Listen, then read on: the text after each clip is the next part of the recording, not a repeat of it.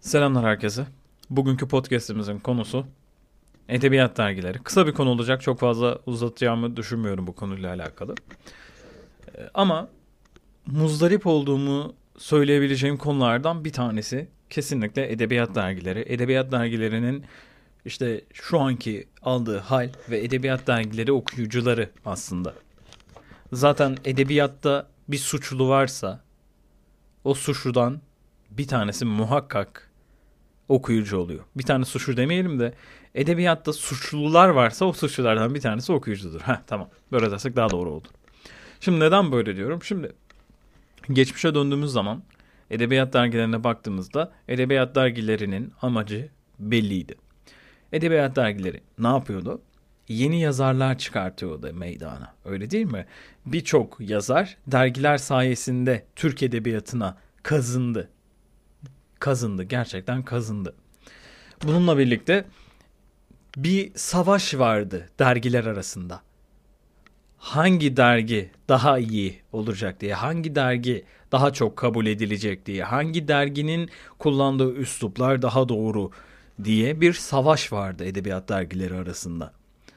Yani işte ne vardır? İşte halk ozanları arasında taşlama vardır. İşte rap yapanlar arasında disleşme vardır. Siyasiler arasında kavga.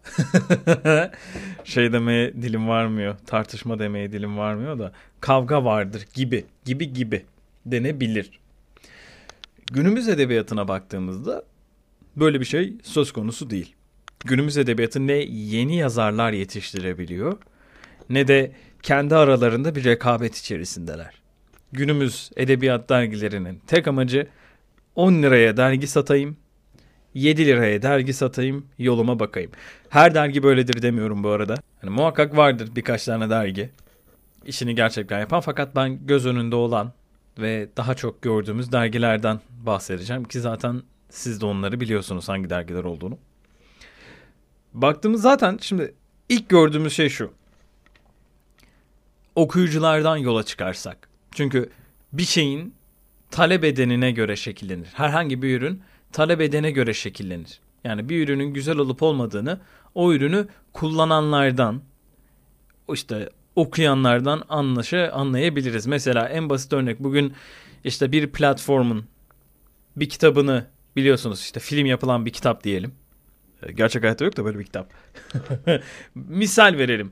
Bir platformda bir kitap yayınlandı ve bu kitabın filmi çıkartıldı. Şimdi bu kitabı okuyan kitleye baktığınız zaman diyorsunuz ki çoğunuz ya ben bunu okumam buna böyle kitleye bak. Ve okuduğunuzda hadi diyelim okuduğunuzda evet gerçekten o kitleye hitap eden bir kitap bana hitap etmiyor. Ya da işte inanılmaz bir bilimsel makale diyelim. Şimdi okuyanlara bakıyorsunuz diyorsunuz ki benim bunlarla alakam yok. Demek ki bu benimle alakalı bir şey değil. Bunda hem fikirsek. Şimdi bakıyorum ben e, çevremden örnek verecek olursam. Duvarlarda işte posterler, işte stickerların yapıştırıldığı yerler ya da ne bileyim işte defter vermişler yanında eşantiyon olarak. Çay bardağı altlığı vermişler falan. Lan bunlar güzel şeyler okey hani evet insan dergi aldığı zaman yanında bir hediye olmasını çok sever. Ben herhangi bir kitap aldığımda mesela ayraca bile mutlu olan bir adamım. Ama ne güzel ayraç koymuşlar diye. Benim ayraç koleksiyonum da vardır. Bir gün onlardan da bahsedelim. Böyle dedim ya kesin bahsetmeyeceğim. Şimdi baktığın zaman bu kişi ne yapmış oluyor? Bu dergileri abi Instagram'a atayım bak ne güzel posterim var Instagram'a atayım diye almış oluyor. Öyle değil mi? Şimdi Mesela benim de duvarımın bir kısmı tamamen o dergilerden alınmış ve kendi çıkarttığım dergide olan posterlerle dolu. Kendi çıkartmış olduğum dergide. kendi çıkartmış olduğum demeyeyim bencillik olur öyle. Ee, okul olarak çıkarttığımız dergi diyeyim. Daha doğru olur. Aynen öyle. Ben seviyorum poster olsun vesaire vesaire. Hoşuma gider. Senin de hoşuna gidiyor olabilir. Neden olmasın? Fakat burada değinmek istediğim nokta şu. Ben edebiyat dergilerini aldığım zamanlarda şu an almayı bıraktım. Aldığım zamanlarda içindeki edebiyat beni çektiği için alıyordum. Yani içindeki insanlar ne söylemiş, ne diyorlar, ne düşünüyorlar vesaire vesaire. Bu konuya da geleceğim yeni dergilerde. Bu yüzden alıyordum. Şimdi çoğunluğa baktığımız zaman çoğunluk niye almış? Yanında eşantiyon verilen, eşantiyon umarım doğru kullanıyorumdur. eşantiyon verilen ürünleri sahip olmak için ay yutkunamadım. Ürünlere sahip olabilmek için alıyorlar. E bu da ne oluyor aslında? Yani nasıl örnek vereyim size? Neyse örnek bulamadım ya. Anladın ama sen ben örnek vermeye pek gerek yok bu konuda. İşte gazeteyi, gazete diyorum dergiyi, işte herhangi bir şey çıkartan adam da diyor ki abi eşantiyonu güzel tut, hediyeleri güzel tut, işte içine de doldur bir şeyler yaz. Abi sen poster değilsin ki. Sen edebiyat dergisisin. Hani şuna geliyor olay. Sen 10 liraya çay bardağı altlığı alıyorsun. Sen 10 liraya poster ve sticker alıyorsun. Yanında sana dergiyi hediye ediyorlar. Aslında günümüz edebiyatının çoğunluğunu, tekrar söylüyorum, çoğunluğunu bu oluşturuyor. Yanında edebiyat dergisi olan eşantiyon ürünler. Eski edebiyata baktığımız zaman hayır abi insanlar bu dergileri aldığında içlerinde ne oluyor diye okuyorlardı. Değil mi? Ben hiç şey görmedim. Yanında poster hediye ediliyormuş işte Fecrati'nin yanında ne bileyim işte beş ececilerden birinin posteri hediye ediliyormuş. Ya da işte ne bileyim Mustafa Kemal'in posterini veriyorlarmış. Hayır. Günümüz edebiyat dergilerinin bir iki tanesinde şunlar da çok fazla. Duygulara demeyelim. Duygu zaten edebiyat duygulara yönelik bir şeydir. Prime yönelik ha prime yönelik yaklaşımları var. Şimdi bir tane adam vardı. Bu adamı çoğunuz biliyorsunuzdur. İşte e, Mandıra filozofunda oynayan bir adam varmış. Şimdi benim bu adam hakkında bir şeyler söylemem çok doğru olmaz aslında. Ama e, baktım oyuncu. Öyle değil mi? Bu da benim görüşlerimden bir tanesidir aslında. Neysen onu temsil et. Yani şarkıcıysan şarkı yap. Tweet yazma. Ya da ne bileyim resim çiziyorsan resim çiz. İşte gidip başka bir şeylerle ilgi alanın olmayan, uzmanlık olmadığın şeyler hakkında konuşma. Ya da işte ne bileyim öğretmensin, öğretmenliğini yap, siyasete katılma, polimiye katılma. Su içeceğim.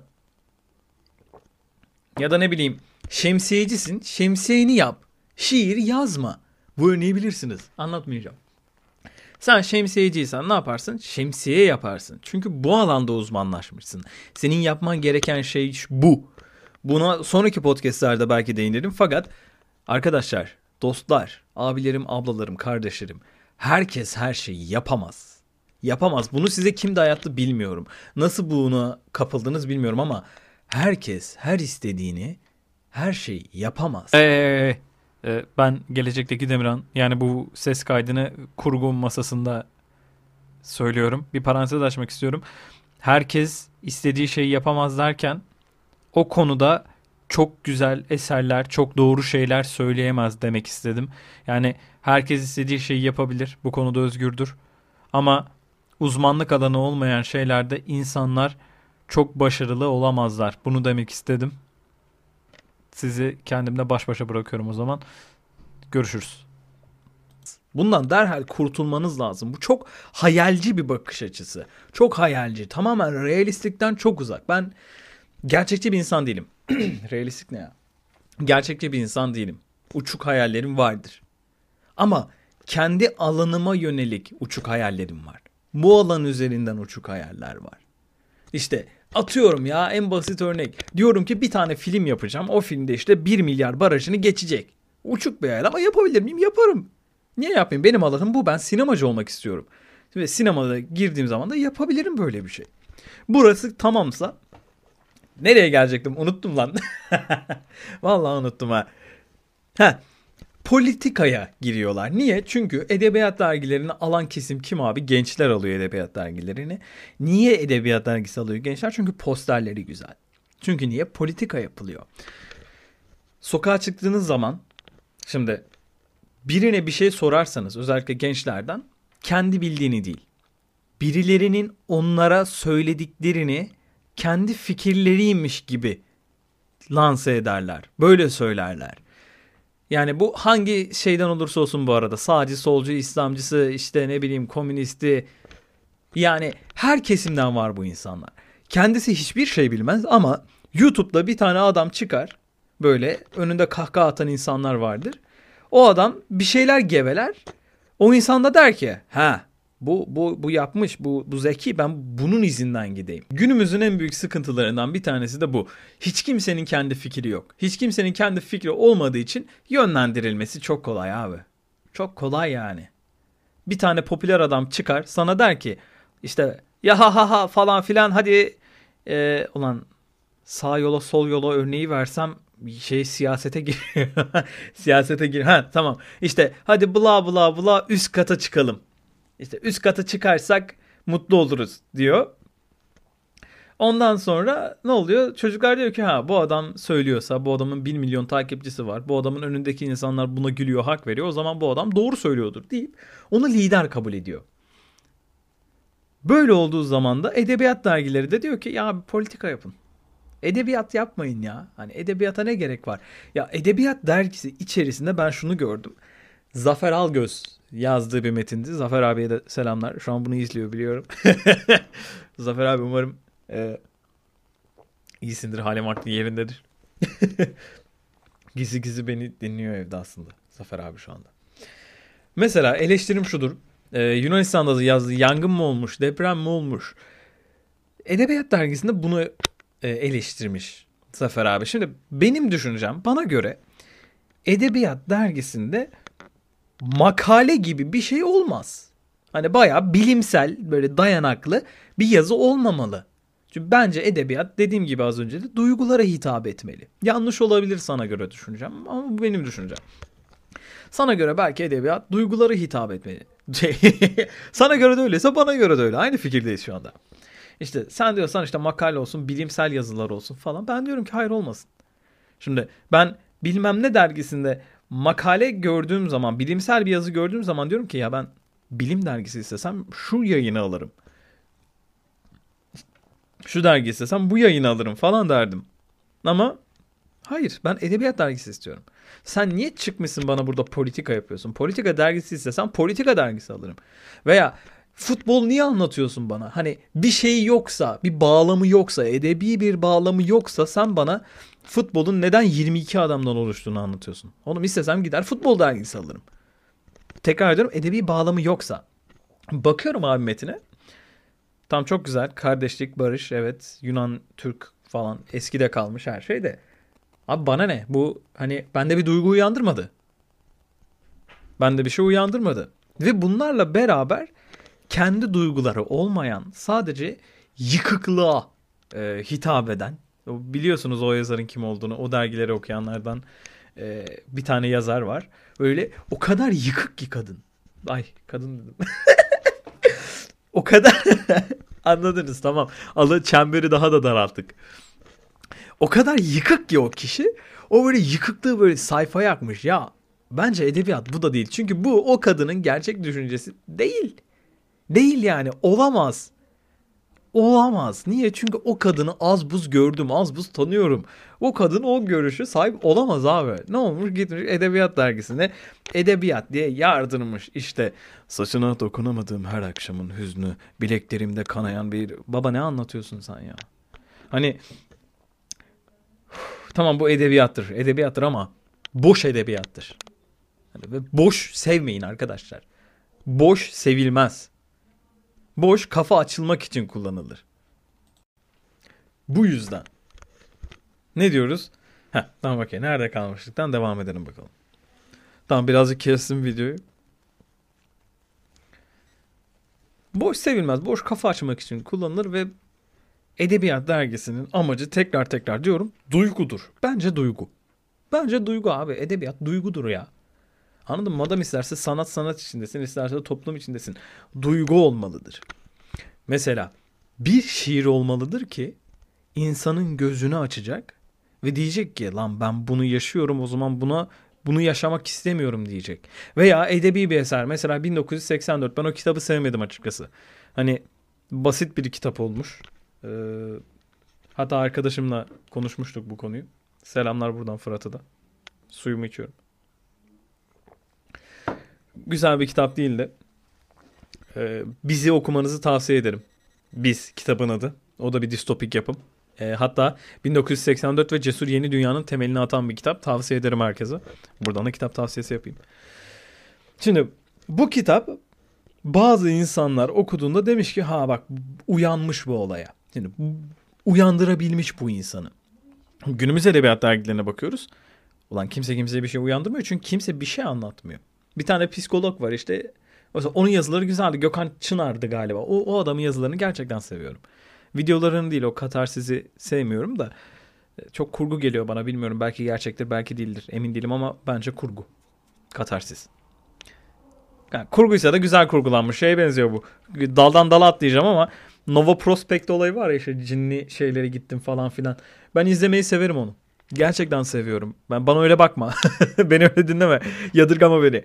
Eğlenceli abi. Çünkü kurgu olduğunu biliyorum. Tamam mı? Ve bu adam istediği kadar bana gerçekçi davransın. Hani e, bir şey kurgu olduğu halde o işte bakın bu kurgu bu kurgu demek de çok şey geliyor. Bir filmin ortasında işte ne bileyim Avengers izliyorsun atıyorum en popüler örnek olduğu için kalkıp sinema salonunda şey diye bağırıyorsun bu gerçek değil falan. hani tamam abi kurgu tamam okey kurgu. Şu an kendime şey yaptım laf soktum. Kurguysa kurgu ne uğraşıyorsun katarsiste.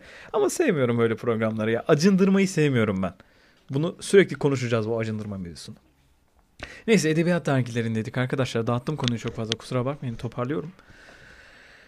20 dakika da olmuş. Yavaş yavaş keserim. Günümüz edebiyat dergileri tamamen çıkar ürünüdürler. Tamamen insanların insanları sömürme temelli kurulmuşlardır. Ve bununla beraber şuna da değineceğim ama en çok değinmem lazım olan konu. Bir sürü genç yazar var Türkiye'de. Bir sürü keşfedilmeyi bekleyen o kadar çok genç yazar var ki. Ve çok güzel eserleri olan var. Bugün Wattpad açtığınız zaman içerisinden gerçekten çok iyi yazarlar bulabilirsiniz. Bakın Wattpad'den bahsediyorum öyle değil mi? O çoğunluğun içinden azınlığı koparabilirsiniz. Edebiyat dergilerinin amacı bu çoğunluk içinden bu güzel azınlığı kurtarabilmek. O kum taneleri arasından inciyi bulabilmek. Edebiyat dergisinin amacı bu olmalı. Bir edebiyat dergisinin amacı inciyi bulabilmek, güzeli bulabilmek. Fakat günümüz edebiyat dergileri öyle mi? Değil. Ve böyle oldukları için günümüzün popüler edebiyat dergileri bu genç yazarları sömüren daha küçük dergiler var. Hiçbir reklamı, hiçbir vasfı olmayan dergiler, hiç kimsenin okumadığı dergiler. Hani bir şey kitapçıya gitseniz bulamayacağınız veya ne bileyim internetten satın alamayacağınız dergiler. Diyor ki sen bana yazını gönder bedavaya. Ben onu yayınlayayım senin üzerinden para kazanayım ve o dergiyi sana da parayla satayım. Böyle insanların tamamen ne denir duyguları kullanılıyor. İyi niyeti, istekleri kullanılıyor. Şimdi bu insan da görüyor ve diyor ki uzun müddette ya diyor bana hiçbir getirisi yok. Hani kimse beni bilmiyor, kimse okumuyor yazdıklarımı, ben çığlıklarımı duyuramıyorum. O zaman ben bırakıyorum diyor. Günümüz edebiyat dergileri insanları edebiyata küstürüyor. Çünkü onlar edebiyat dergileri değil, onlar birer ticaret aracı. Ve edebiyat ticaret değildir sevgili dostlar. Edebiyat bir yakarıştır. Edebiyat bir başkaldırıdır. Edebiyat kötüyü kabul etmemektir. Edebiyat düşüncedir. Edebiyat birliktir. Ve bunu bir ticaret olarak kullanmak da aşağılık bir şeydir. Evet uzattık podcast'i fazlaca. O zaman hepinize görüşürüz diyorum. Kendinize iyi bakın. Hadi hoşçakalın.